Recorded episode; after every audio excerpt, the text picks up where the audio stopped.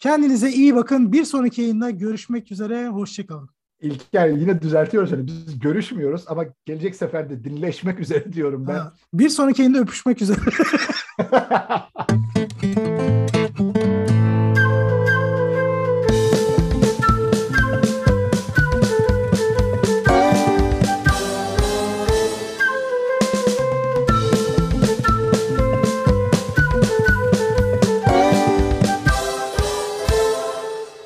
Meg'in yeni bölümünden herkese selamlar, sevgiler. Ben Deniz İlker Şimşekcan. Ben Deniz Fatih Ayoğlu. Herkese güzel bir podcast bölümü diliyorum. Geçtiğimiz podcast bölümlerine yaptıkları dönüşler için birçok arkadaşıma buradan teşekkürlerimi gönderiyorum. Gerçekten yorumlarınız bizim için çok değerli. Çünkü yaptığımız bu işte geri dönütler, özellikle dinleyicilerin dönütleri e, son derece önemli. Bizim bir şekilde motivasyonumuzu ve podcast yayınına ne kadar istikrarlı gideceğimizin kararını almamıza neden oluyor. Şimdi Fatih, ben bildiğin üzere eşim bir Covid hastalığı atlatıyor. Ben de refakatçiydim yanında. Çok teşekkürler. Ben de son zamanlarda senin tabirinle az kuru az pilav tadında böyle az bir Covid atlatıyorum gibi bir durum var. Tam içime sindiremedim ama direkten dönüyorum gibi hissediyorum. Sesime de yansıyordur zaten bu. Sen nasılsın? Eğer Covid atlatıyorsan atlatıyorsan ve bu şekilde hafif atlatıyorsan iyi. En azından atlatacaksan hafif atlatalım. Önemli olan o. Abi boğaz seviyesinde işi bitiriyorum gibi. Sanki boğazdan aşağı inmeyecek gibi hissediyorum ama. Bu omikron öyleymiş genelde. Benim de birkaç tane Türkiye'den müşterim var Covid geçiren. Burada da var esasında birkaç. Genelde insanlar şey diyor grip gibi. Orta hafif orta şiddetli grip gibi geçiriyor insanlar. Genelde boğazda kalıyor. Çok ciğerlere inmeyen bir versiyon bu omikron. Muş galiba. Tabii ben doktor değilim. Dolayısıyla çok da böyle bir şey profesyonel gibi konuşmuyor bu konuda. Bu işin şey uzmanıymış gibi ama olacaksak omikron olalım yani. İyi gibi. Yani delta'dan iyi diyor en azından doktorlar. Yani evet. Geçmiş olsun yani. Biz şu anda tabii hangi varyantı atlattığımızı bilmiyoruz. Tabii bir de o var. Video var. Video yani şu anda omikron olup olmadığımızı da bilmiyoruz. En azından hafif bir varyant. Ha, hafif bir varyant. omikron plus gibi bir şey yani. Aynen. Aynen. İlker valla yok bir yaramazlık. Ee, ilk önce ben bir özür dileyelim istersen. Çünkü normalde bu yayınları biz pazardan pazara yapıyorduk. En başta öyle bir başlamıştık. Ondan sonra sen akşam, pazar akşamı bunun kaydını bitirip, teknik kısmını bitirip ondan sonra pazartesi genelde fırından çıkartıyorduk yayınları ama son kaç iki hafta veya üç haftadır sağlık sorunları olsun, genel hayat hayatın verdiği bazı diğer öncelikler olsun gibi birçok sebepten dolayı esasında kaydı bu yayınlarımız. Biraz onun için ilk önce ben dinleyicilerden bir özür dileyeyim. Onların affına sığınalım biraz bu konuda. Yok bir yaramazlık esasında görüştüğümüzden beri bir pick-up aldım sonunda. Oo harika. Ee, Analog bir... dünyanı zenginleştirdin yani. Aynen Analog Dünyamız Zenginleşmiş diye bir kitap var. Bunu sen esasında bana önermiştin. Revenge of Analog diye bir kitap var. Aynen. Ee, Türkçesi bilmiyorum e, tercüme edilmiş, basılmış mı? Güzel bir kitap. Hangi bölümde? Birinci bölümündeyim. Pickup'ın ve planın geri dönüşü. Ondan sonra kalem ve kağıdın geri dönüşü. Hatta kağıtta Moleskine anlatıyor. Plakta şunu anlatıyor. Şu andaki plak satışları CD satışlarını geçmiş durumda mesela enteresan bir şekilde. Ve sanatçılar ve yayın evleri plağı tercih ediyorlar esasında bu subscription temelli işte Spotify'da, iTunes'da falan onlara nazaran. Çünkü e, diyor ki o şeylerden üyelik temelli servislerden sanatçılar veya yayın evleri peanut kazanıyor diyorlar. Yani peanut kazanmak İngilizce'de şey bayağı hiçbir şey getirmiyor. Yani fasulye bezelye tanesi kazanıyoruz gibi. Hmm.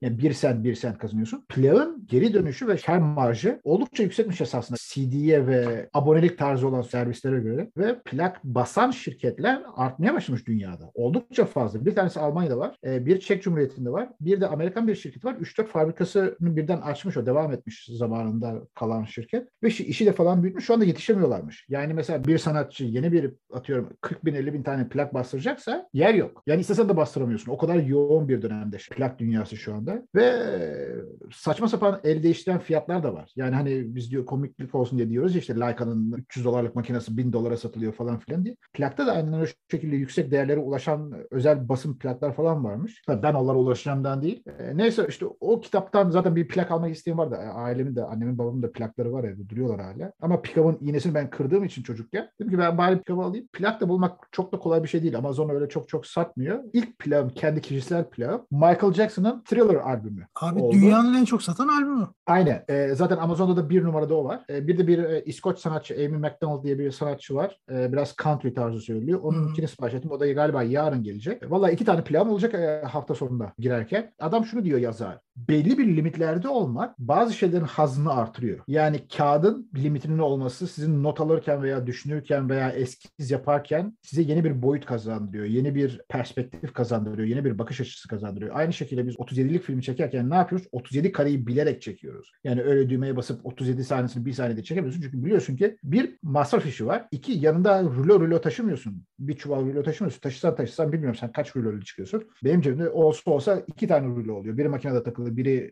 yedek. Toplasan 72 kare var. Dolayısıyla hepsini hesaplayarak çekmem. E, plakta da öyle esasında baktığın zaman şunu anlatıyor mesela. Netflix seyredenler de bazen aynı şeyi söylüyor. Ne seyredeceğinde o kadar çok vakit harcıyorlar ki seyrettikleri süre daha az esasında. Yani arama kısmına daha fazla vakit harcıyor. Spotify'da, iTunes'da da aynı şey esasında oluyor. Ne dinlesem bugün? Plak olursa veya kasetin olursa böyle bir derdin yok. Çünkü atıyorum sabit elle tutulan bir cisim. İşte plak ne? İki tarafı var. Toplasan toplasan 10 şarkı alıyor. Öyle gigabaytlarla da şarkı almıyor. Anladın mı? MP3 gibi değil. Daha böyle bir sindiriyorsun belki müziği. Müziği sindiriyorsun, kitabı sindiriyorsun, yazıyı sindiriyorsun, resmi sindiriyorsun. Dolayısıyla bakalım bir de o yola girdim. Masraflı bir iş. Yani plak dediğin 25-26 pound falan nereden baksan ne? 500 lira plağın tanesi. Bakalım. Eski audio CD'ler de dahil işte plak dönemi de. Hmm. Ya içinde az ürün olan şeyler tekrar tekrar dinlenebiliyor, başa sarılıyor. İşte Aynen. istediğin parçayı atlayamıyorsun. Hani Spotify'da gerçekten çok çabuk harcıyoruz. Aynen, Yani bir, aynen. bir albüm çıkartmış işte Amy Winehouse işte neyse rahmetli hı. analım. Ne bileyim ikinci parça tak beğenmedim beğenmedim ve çok hızlı Aynen. yaftalıyoruz. Çok çabuk Aynen. bir şekilde harcıyoruz. Ama A- mesela aynen. bugün yine bir haber vardı şimdi Michael Jackson'ı da anınca bugün rahmetlileri anıyoruz. Michael Jackson ölmeden önce şunu vasiyet etmiş. Demiş ki beni kimse abi ne canlandırsın ne bir sinema filminde ne bir yerde hiçbir şekilde benim yerime biri oynamasın demiş. Onunla ilgili hatta bugün bir filmde küçük bir sahnesi geçiyor. Yabancı bir filmde neyse. Kızı bayağı isyan etmişti. Babamın böyle bir şeyi vardı filan diye. Bugün de şimdi o aklıma geldi. Bir de abi şimdi sen konuşunca aklıma geliyor. Şimdi podcast yayınlarında aslında şöyle bir şey var. Diyorlar ki istikrarlı çıkarın. insanlar size müptela olsun. İşte pazar günü. Aralık Mek gelmediğinde el hayat titresi falan. yani böyle şeyler tabii ki nereden doğruluk payı var bunların bilmiyorum ama genelde Aralık Mek olarak biz zaten birçok yerde kuralları yıkan bir yapımız var. Yani pazar akşamı bizi her zaman beklemeyin. Clubhouse'da bazen e, cumartesi günleri yapalım diyorduk ama onu da ben aklımıza estiğinde yapalım diye düşünüyorum arada bir. Çünkü kitle abi şöyle. Clubhouse'da cumartesi 21'de yapalım diyorsak 21'de gelenler kazanıyor. Bir kısım gelmiyor. Bizi dinleyemiyor. Çünkü offline Aynen. bir söyleşi. Aynen. Ama sen chat kapı açtığında gerçekten oradaki sohbet özelleşiyor diye inanıyorum ben. Yani o anda Doğru. e, her şey daha Daha spontane. daha spontane oluyor. Mesela bizim Aynen. yayınlarımızda da hani akışta Fatih şu var. Yok ben sana şunu soracağım. Sen şurada bana şöyle bir pas at. Hani öyle bir şeyimiz hiçbir zaman olmuyor. Abi kaydı başlatıyorumdan başka bir şey duyamazsın yani. O başlıyor ve akış devam ediyor. Hala biz fotoğrafa giremedik şu an 10. dakikamız.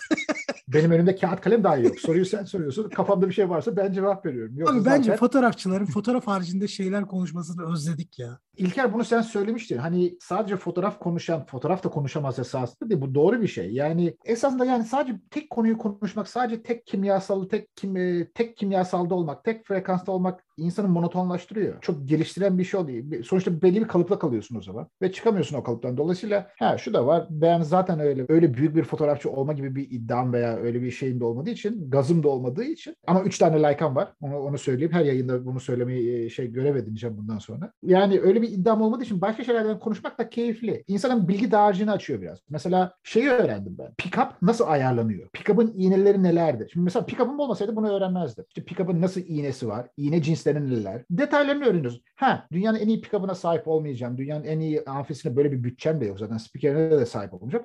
E, ama en azından bilgi dağarcığına bir şey ekliyorsun. Bu güzel bir şey. Sonuçta insanın öğrenmek benim için çok keyifli bir şey. Dolayısıyla analogda da benim sevdiğim olay o dijitalden ziyadedir. Çünkü e, her her çektiğin kare, her yıkadığın film, her bastığın kart sana bir şey öğretiyor. Çünkü hepsinde bir değişken var. Hepsinde bir değişken olduğu için devamlı bir beyin çalışıyor. E, yukarıdaki de bize zaten hayvanlardan ayıran en büyük şeyimiz bizim beynimiz. Onu çalıştırın diye vermiş. Ben de yukarıdakinin emrini uyguluyorum yani çalıştırmaya çalışıyoruz elimizden geldiğince. Yani evet bir de deneme yanılmayla abi bu analog dünyada her şey daha da güzelleşebiliyor ya da deneysel bir hal alabiliyor. Mesela Aynen. pick-up'taki dönüş hızı aslında sizin dinlediğiniz müziği duygusal veya daha ileri düzey bir club tekno müziğe dönüştürebiliyor. Tamamen Aynen. o alttaki atıyorum bir diskin bir lastik anlamında döndürülme süresine bağlı. Yani oradaki kaç tur atıyor atıyorum saniyede? Saniyede atıyorum iki tur atıyor. Evet bana dakikada tur sayısı 33 desen işte saniyede 2, saniyede bir İki, tur sa- atıyor. ha, iki saniyede bir. Ha, iki Normalde- saniye. Çünkü bayağı yavaş dönüyor bu ya. Yavaş 2 dönüyor. saniyede bir tur atıyor. Aynen. Ya mesela hatırlar mısın eski Walkman'lerde bazen böyle şey olurdu. Lastik eskimeye başladığında böyle sanatçı Hmm, çocuk gibi aynen. konuşmaya başlardı. Pick-up'ın ayarını düzgün yapmazsan o öyle şeyler var. Çünkü eğer mesela iğne sert basıyorsa ses kötü çıkıyor. Mesela şunu fark ettim.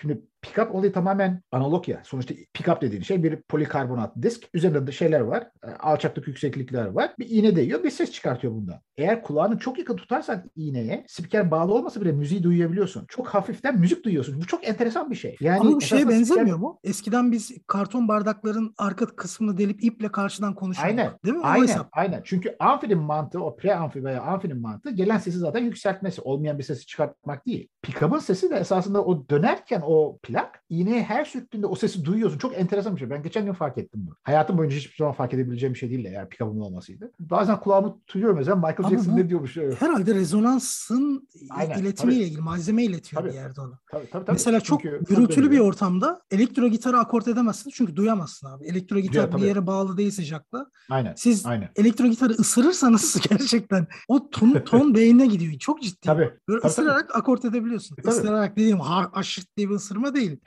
Hani normal dişinizde bastırıp. Bu şey gibi ya 9 voltluk pile eskiden küçükken dilimize değdirdik yalardık. ya o kare pilleri aynen. Yok yalamazdık dilimize değdirdik. İlker'cim senin nasıl bir şeylerin var bilmiyorum pillerle ilgili ama. Abi onlar beyinde Sadece- birikiyor diyorlar. O ne kadar doğru? doğru doğru. Do- doğru. Devam. Sen bundan sonra lambayı çalıştırabilirsin.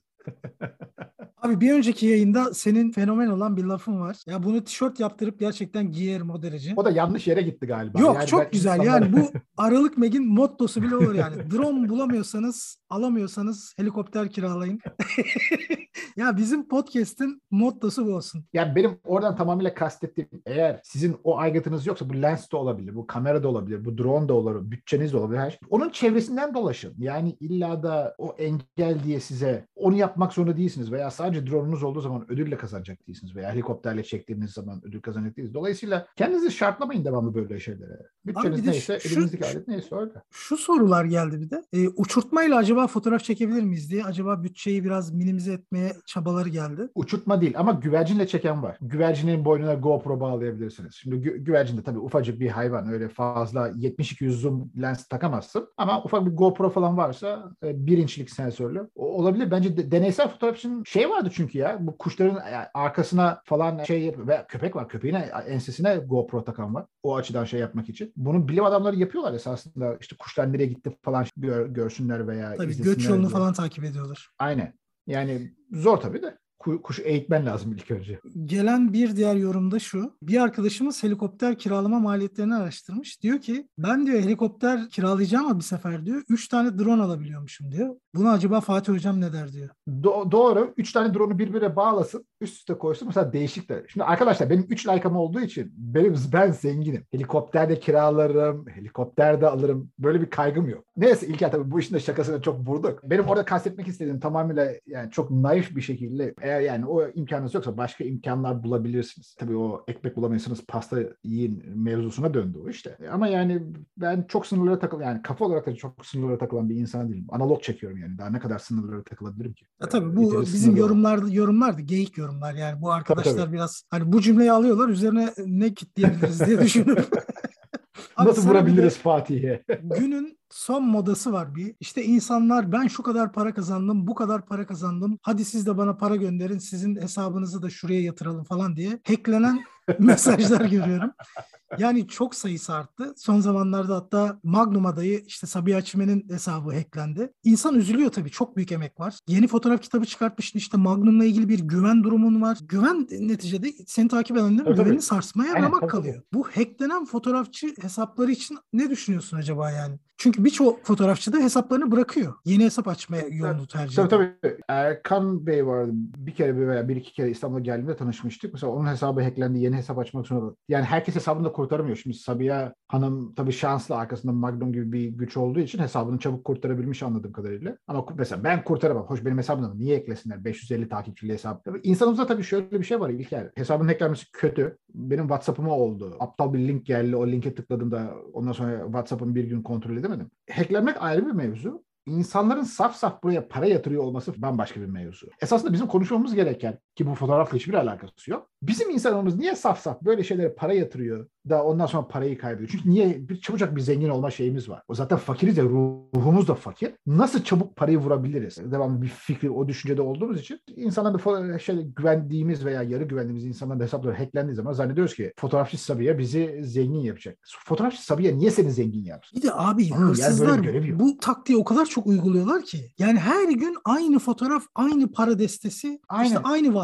Aynen. Yok albay telefondan 10 bin lira kaptırdı. Yok e, emekli Gülsüm teyze 100 bin lirasını kaptırdı. Yok Mahmut amca altınlarını bozdu Bulgaristan'a yolladı gibi. Niye böyle şeylere devamlı kanıyoruz biz? Ben çünkü ben İngiltere'de yaşıyorum 15 senedir. Ya ben gazete okumuyorum veya bu haberleri görmüyorum ya da bu ülkede cidden böyle şeyler olmuyor ve sadece Türkiye'de oluyor. Bu çok enteresan. Sosyolojik bir vaka esasında ki fotoğrafla hiçbir alakası yok ama Sabiha'ya da buradan geçmiş olsun diyelim. Yani geçmiş olsun diyelim bir de hesabı hacklenen başka bir arkadaşa inan tek bir birey 25 bin lira dolayında bir para gönderiyor. Buradan işte kâra geçeceğini düşünerek. Yani. Ya bu benim bildiğim 3-4 yıldır devam eden bir hacklenme olayı aslında. Tabii tabii. Ya bu kadar mı malız yani? Bu kadar mı dünyadan bir habersiz ya? ya hiçbir gazete okumuyorsun. Hiç mi duymadın yani bu hikayeleri daha benden? Bir keresinde şöyle bir şey oldu. Aralık Megi oluyor bu arada. Özelden bir mesaj geldi. Diyor ki ya işte bir arkadaş beni NFT koleksiyonuna davet etti. İşte fotoğraflarımı gönder koleksiyona davet et, etmiş. Neyse ya size bir şey danışmak istiyorum dedi. Tabii dedim seve seve buyurun. Abi bana kopyalanıp yapıştırılmış 5 tane tak tak tak böyle blok blok mesaj geldi. Bir tane de link geldi. Dedim ki bana güven vermediniz. Ben buna basmayacağım yani cevap da vermek istemiyorum.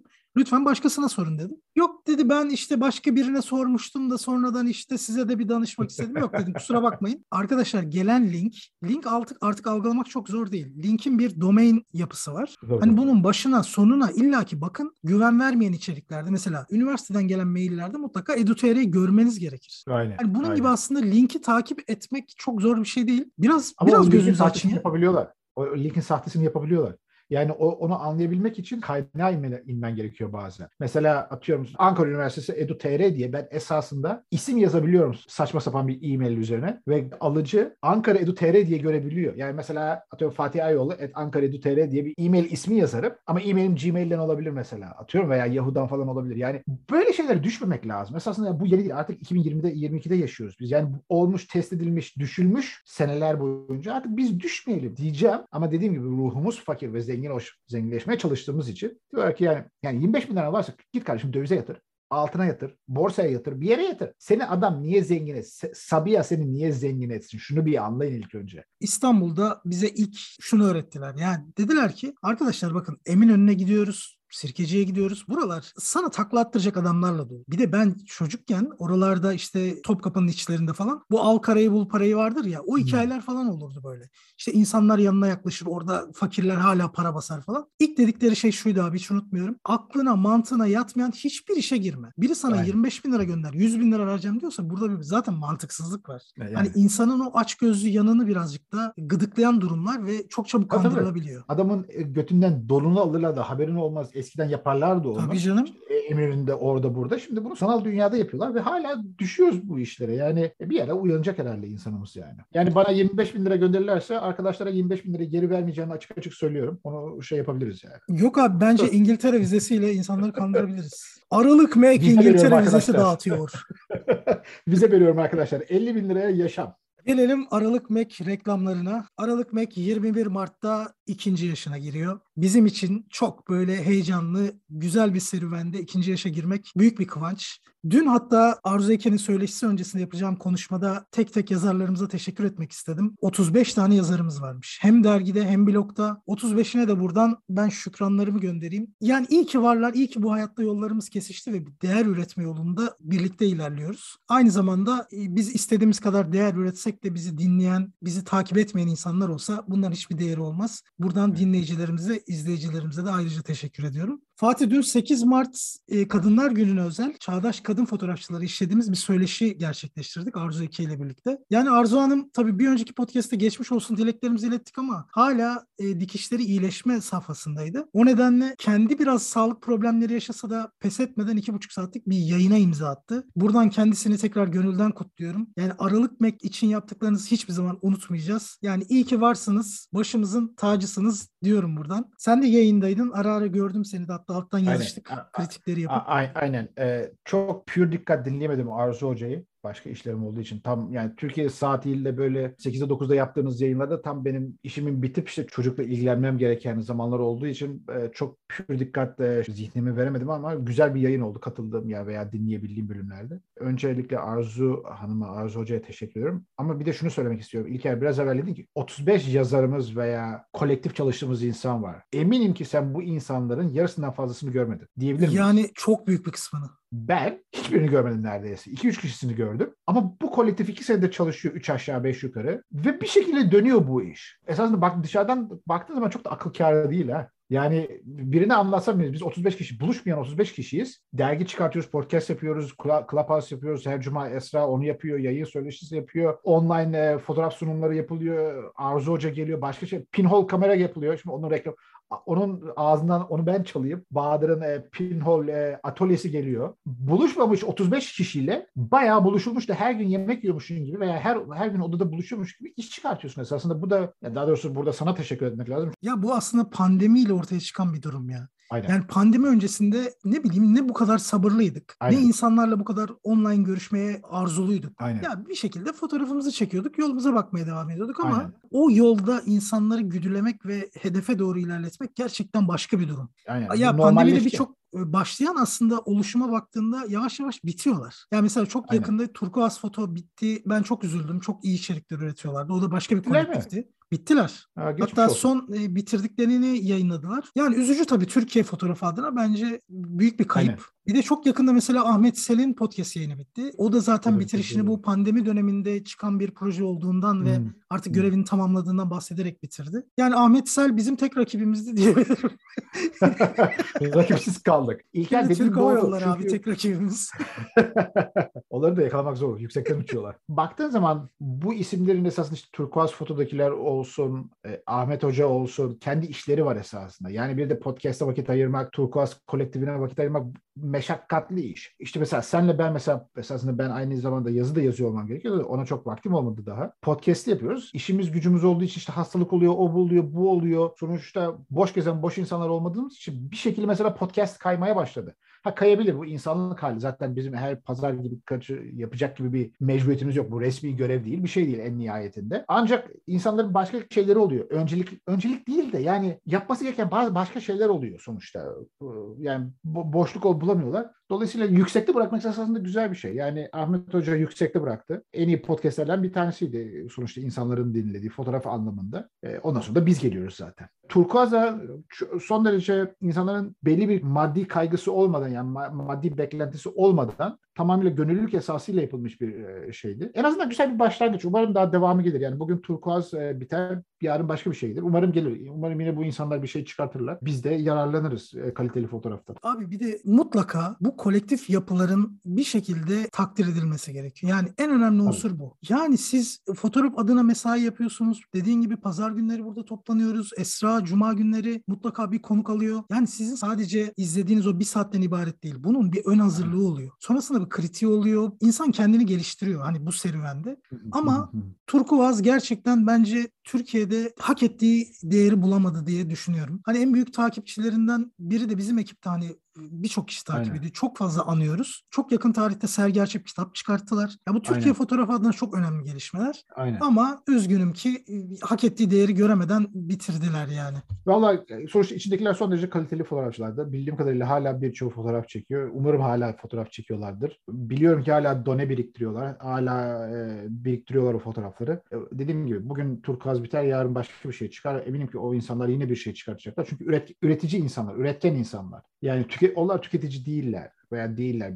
Tanıdıklarım var içinde sonuçta birebir tanıdığım insanlar vardı Turkuaz'ın içinde. işte Hakkı olsun, e, Mehmet olsun. E, bu adamlar üretiyor daimi. Dolayısıyla bugün kapanırlar, biriktirirler, yarın bir daha çıkarlar. Umuyorum. Öyle diyelim yani. Bak son yazısında şöyle demiş. Bu kolektif abi 2012 yılında başlamış. Evet. Aslında serüveni de bayağı bir yıl Eski. yani 10 yıl. Ve 13 Ocak 2022'de sonlandırma kararı almışlar. Yani birçok fotoğrafçının bu sonlandırma hikayesinden bile haberi yok inan yani. Çok üzücü. Evet. 10 yıl bir şey emek ver ve arkandan hani e, derler ya Anadolu'da üç kuluf Allah belham okuyan yok yani. Çabuk tüketiyoruz. Çünkü çok çabuk tüketiyoruz.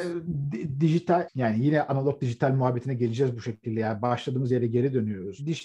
Dijitalleşmenin maalesef yani sadece dijitalleşme değil bu kapitalist dünyanın olsun, yeni dünyanın olsun, içinde bulunduğumuz dünyanın olsun daha tüketici toplumuyuz. Annelerimiz derler veya büyüklerimiz derler ya bir çamaşır makinesi alırdın 50 sene giderdi. Şimdi bir çamaşır makinesi alıyorsun. iki senede bir servis çağırman gerekiyor. Çünkü adamlar onun üzerine e, iş sistemini kuruyorlar. Eskiden marka ismiydi. Bir kere evladilikti. Sen çeyizinde atıyorum çamaşır makinesi televizyonla giderdin. Ölene kadar aynı çamaşır makinesini kullan. Hatırlıyorum benim annemin biz Edirne'deyken şimdi Ankara doğum Edirne devam ettik biz bir boş çamaşır makinesi vardı. Çamaşır makinesi bizde şehir şehir gezdi ya. Yeah. Bayağı Edirne'ye gitti, Keşan'a ondan İstanbul'a geldi. İstanbul'da birkaç ev değiştirdik falan filan. En sonunda çamaşır makinesi öldü. Zaten ölmese benle beraber yaşıt olacaktı yani. Ben 3 aşağı 5 yukarı benle yaşıttı o çamaşır makinesi. Eskiden böyleydi ama şimdi mesela annem geçen gün aldı çamaşır makinesi, bulaşık makinesi. Arıza yapmış çünkü ne bileyim su mu kireçliymiş, o mu olmuş, bu mu olmuş, bir şey olmuş. Servis gelmek zorunda kalmış. Yani çabuk tüketiyoruz artık. Fotoğrafı da çabuk tüketiyoruz. İşte o Instagram 3 saniye bakmıyorsun. Yani parmağını sağ işaret parmağını yukarı ittiğin ki benim 18 aylık kızım öğrendi artık onu yapmayı. O şekilde o itmiş oluyorsun fotoğraf. Hayatından çıkartıyorsun. Bir daha dönmüyorsun. Fotoğraf basmak. Hadi analog dijitali geçelim.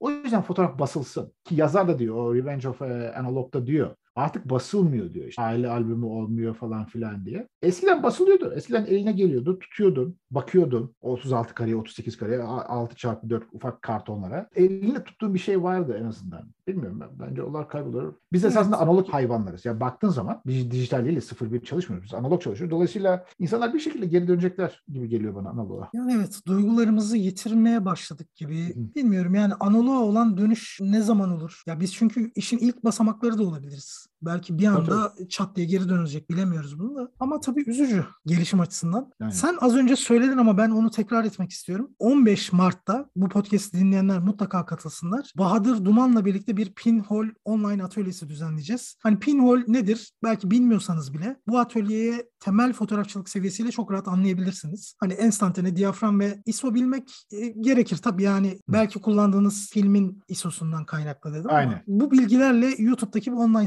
söyleşiyi izleyebilirsiniz. Soru cevap şeklinde ilerleyecektir. Hani katılırsanız, aklınıza takılan noktaları bize YouTube'dan yazarsanız aynı anda eş zamanlı olarak size cevap verme şansımız olur. Mutlaka o yayına bekliyoruz. Pinhole online atölyesi 15 Mart'ta saat 21'de YouTube'da. Bahadır Duman ile. Bahadır Duman evet. Az ben önce değil. biz test yani yayınlarını Beni beklemesinler. Ama sen de orada olacaksın. Ben muhtemelen Bahadır'ın yancısı olacağım. Yani ben Bahadır'a soruları ben soracağım. YouTube'daki soruları. Pinhole enteresan bir esasında kavram. Yani fotoğrafın hani fotoğraf 101 diye ders olsa fotoğrafın temeli esasında orada çıkıyor. Yani o kamera obscura dediğimiz olay esasında işte pinhole ve Bahadır buna elle esasında kendi pinhole'unuzu kendiniz nasıl yaparsınızdan başlayacak. Herhalde çok tekniğine ve fizyolojisine gireceğini zannetmiyorum Bahadır. Ama çok keyifli. Yani insanlar kendi ellerine pinhollerini yapabilirler. O çok güzel bir duygu. Ya Pinhole aslında e, entelektüel de bir altyapısı var. Dediğin gibi kamera obskuraya dayanıyor, resime dayanıyor. Aynen. Hani ta oralardan gelen bir serüveni var. Bahadır'ın sunumunu ben inceledim oralardan başlıyor. Evet. Gayet iyi bir söyleşi olacak. Mutlaka bekliyoruz arkadaşlar. Fatih o zaman yayın bitmesine e, az bir süremiz kaldı ama ben aklıma takılan bir soruyu daha sana sormak istiyorum. Ve şimdi bu pandemi dönemiyle tabii bizim gibi oluşumlar da çok fazla arttı. İçerik üretimleri çok fazla arttı. Bazen para verip ulaşamadığımız söyleşilere, sohbetlere online olarak erişebilir olduk.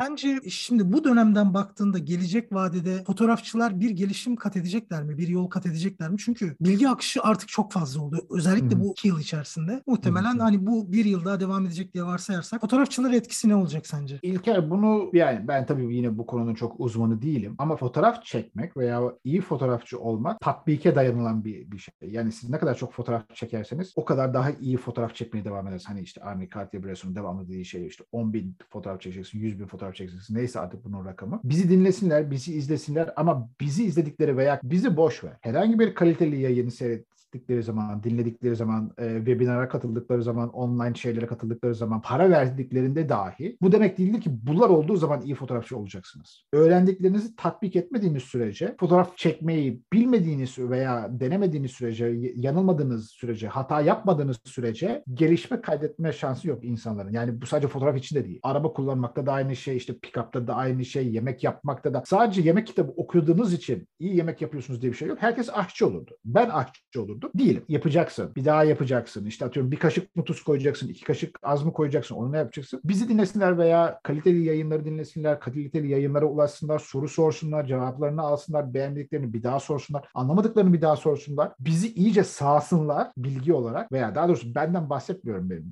Yani biz derken ulaştıkları kişilerden veya webinarlardan bahsediyorum. Ondan sonra tatbik etsinler. Lütfen tatbik edin. Eğer tatbik etmezseniz bilgisayar başında oturarak dünyanın en pahalı kameralarını da alsanız ki bu örneği çok verdim yine. Artık dilimde tüy bitti. Leica alarak fotoğrafçı olmadığına göre veya atıyorum işte Canon R3 olsun, Nikon Z9 olsun işte en son modeller benim bildiğim bunlar işte Alpha 1'ler olsun. Webinar seyredilerek de yani benim de kayıt olduğum çok webinar var. İşte Joel Mayerovich'in webinarı var. Kören'in webinarı var. Var Allah da var. Ha, ondan sonra ama gidip test ettiğim şeyler de var. Aa işte bu böylemiş. Mesela şunu öğrenmiştim ben Joel Mayerovich webinarlarından bir tanesinde. O da Leica kullanıyor. Ben de Leica. İkimiz de zenginiz. İşte o İtalya'da yaşıyor. Siena'da falan filan. Ben Allah'ın Birmingham'da yaşıyorum. Leica kamera kullananlar belki bilirler. Ve kullanmayanlar e, bilmiyor olabilirler. Leica'nın ışık ölçeri çok kötü bir ışık ölçer. Sadece ek- ekranın ortasını ölçüyor ya daha doğrusu e, şey fotoğrafın ortasını ölçüyor. Lense göre değişme şey var ama siz onu görmüyorsunuz. Yani ne hangi bölümü ölçtüğünü hiçbir zaman bilmiyorsunuz. Öyle bir garipliği var Leica'nın. Ortasında çünkü diyafram ortasında beyaz bir şey var veya gri bir yansıtıcı şey var. Oradan ışığı ölçüyor falan filan. Mesela Joy Merovich ne yapıyor? Çok akıllıca bir olay. %18 griyi ayarlamamız gerekiyor değil mi?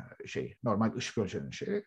%18 gri veren birkaç bir şey var. Bir tanesine yeşil çip %18 gri veriyor ışığın altındaysa. Bu bilinen bir şey. Yani %18 gri ışık siyah beyaz skalasında ne, ne veriyor onu. İki, John Merrill şöyle yapıyor. Elinden ölçüyor. Elini 45 derece ışığa tutup onu ölçüyor. Çünkü fotoğraf çekerken analog çekiyorsanız, dijitalle çekiyorsanız insan tenine göre çekiyor olmanız gerekiyor. İnsan teni de esasında %18 Kodak grisinin bir üst stopu ya bir üst durağı atıyorum 460 ISO 200 veriyorsa insan teni 2860 200 veya 400 ISO ne, ne dediysem yani. Joel Marich bunu elinden çekiyor. Dolayısıyla o açıdan gelen ışıklı devamlı biliyor ki doğru enstantaneyi yakalıyor. Ondan sonra eğer ışık arkadan geliyorsa iki stop ekliyorsun buna, iki durak ekliyorsun. O ayarını kafandan yapabiliyorsun eğer biliyorsan biraz film geçmişinde varsa. Dolayısıyla böyle ufak tüyoları öğreniyorsun. Ha, hiçbir zaman Joel Meyrovich olmuyorsun ama en azından günlük pratik hayatında bir engeli aşmak için daha çabuk e, hareket edebiliyorsun. Ben bunu tabii Joel Meyrovich'ten, Steve McCurry başka şeyler veriyor. Kim vardı? Başka bir Kanadalı fotoğrafçı vardı. Onun da bayağı uzun uzun webinarları var. Mesela o da diyor ki bir yere gittiğiniz zaman işte 3-4 gün 5 günlük seyahate gittiğinizde ne yapıyoruz? Hepimiz hıldır hıldır kameralarımızı taşıyoruz. Çantalar çantalar kameralar gidiyor. Ne yapıyoruz? Hemen hiç padoktan çıkmış at gibi fotoğraf çekmeye koşuyoruz. Koşmayın diyor. Bir gün oturup diyorum işte oranın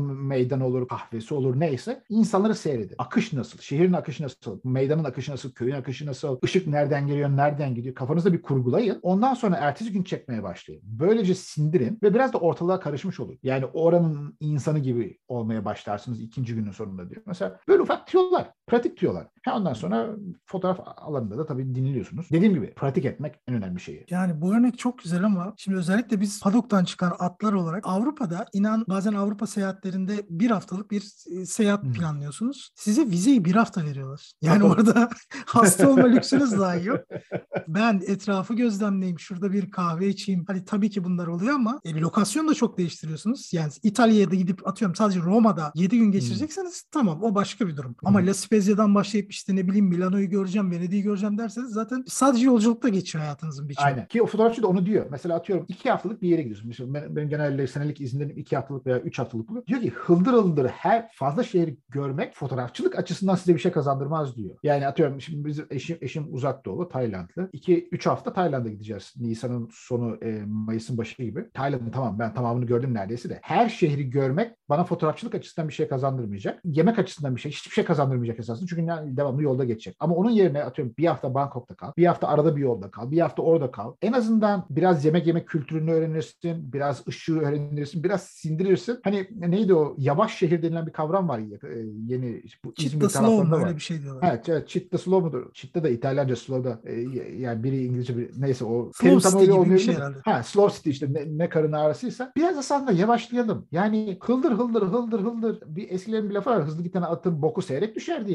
Yani bir şey kazandırmıyor size bu olay. Yavaş yavaş sindire sindire işleri yapmak insanın mental olarak esasında size daha fazla şey kazandırıyor. Ben burada direkt şu aklıma geldi. Yani çektiğiniz kare başka bir coğrafyaya aitse aslında çektiğiniz kareye yabancılaşmamak açısından da bu çok önemli. Yani evet. sen orada Tayland'ı geziyorsun ama Tayland senin alanın değil, senin çöplüğün değil. Aynen, yani sen ilk önce orayı bir miktar sindir ki çektiğin fotoğraflarda alt aynen. metin yazabilir. A- aynen çünkü hani adam şapkayı atıyor mesela. Anladın mı? Sen mesela şapkayı havaya doğru at, fotoğraf çek o anda. Şunu hiçbir zaman bilemezsin. Şapka adama doğru mu gidiyor, adamdan ileriye doğru mu gidiyor? Durdurur sana. Yani eğer yavaş e, enstantane çekmediysen bunu atıyorum. Bir bölü binde çektiysen şapka tam havada keskin bir şekilde şunu hiçbir zaman bilmiyorsun. Şapka ne tarafa doğru gidiyor. Ya o bir şekilde durarak o alt metnini verebilmek için yani şapkanın sağa mı sola mı gittiğini anlatabilmek için biraz bir sindirmek gerekiyor. O, o havayı biraz teneffüs etmiş olmak gerekiyor. Yarım saat bir yerde durarak, yarım saat o tren istasyonunda şehir, her Avrupa şehrinin meşhur tren istasyonunda durarak onu anlatamazsın. Öyle bir imkan kimse de yok. Yani Henri Cartier Bresson'da da yoktu öyle bir imkan.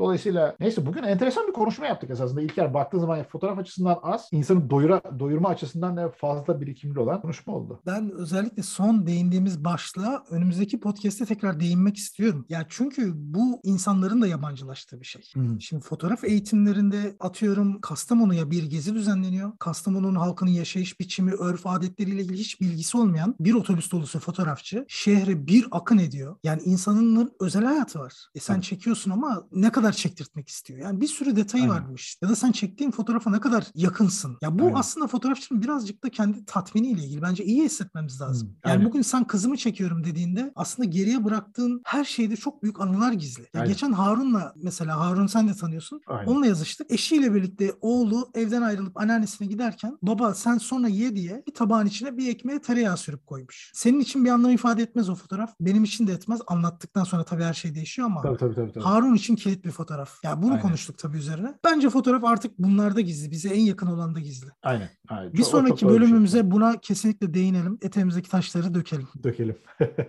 İlk defa esasında şu anda bir sonraki podcast'ını konuşacağımıza karar veriyoruz. Evet. Bundan Bizim için de iyi oldu ya. Hazıra konacağız. Aynen.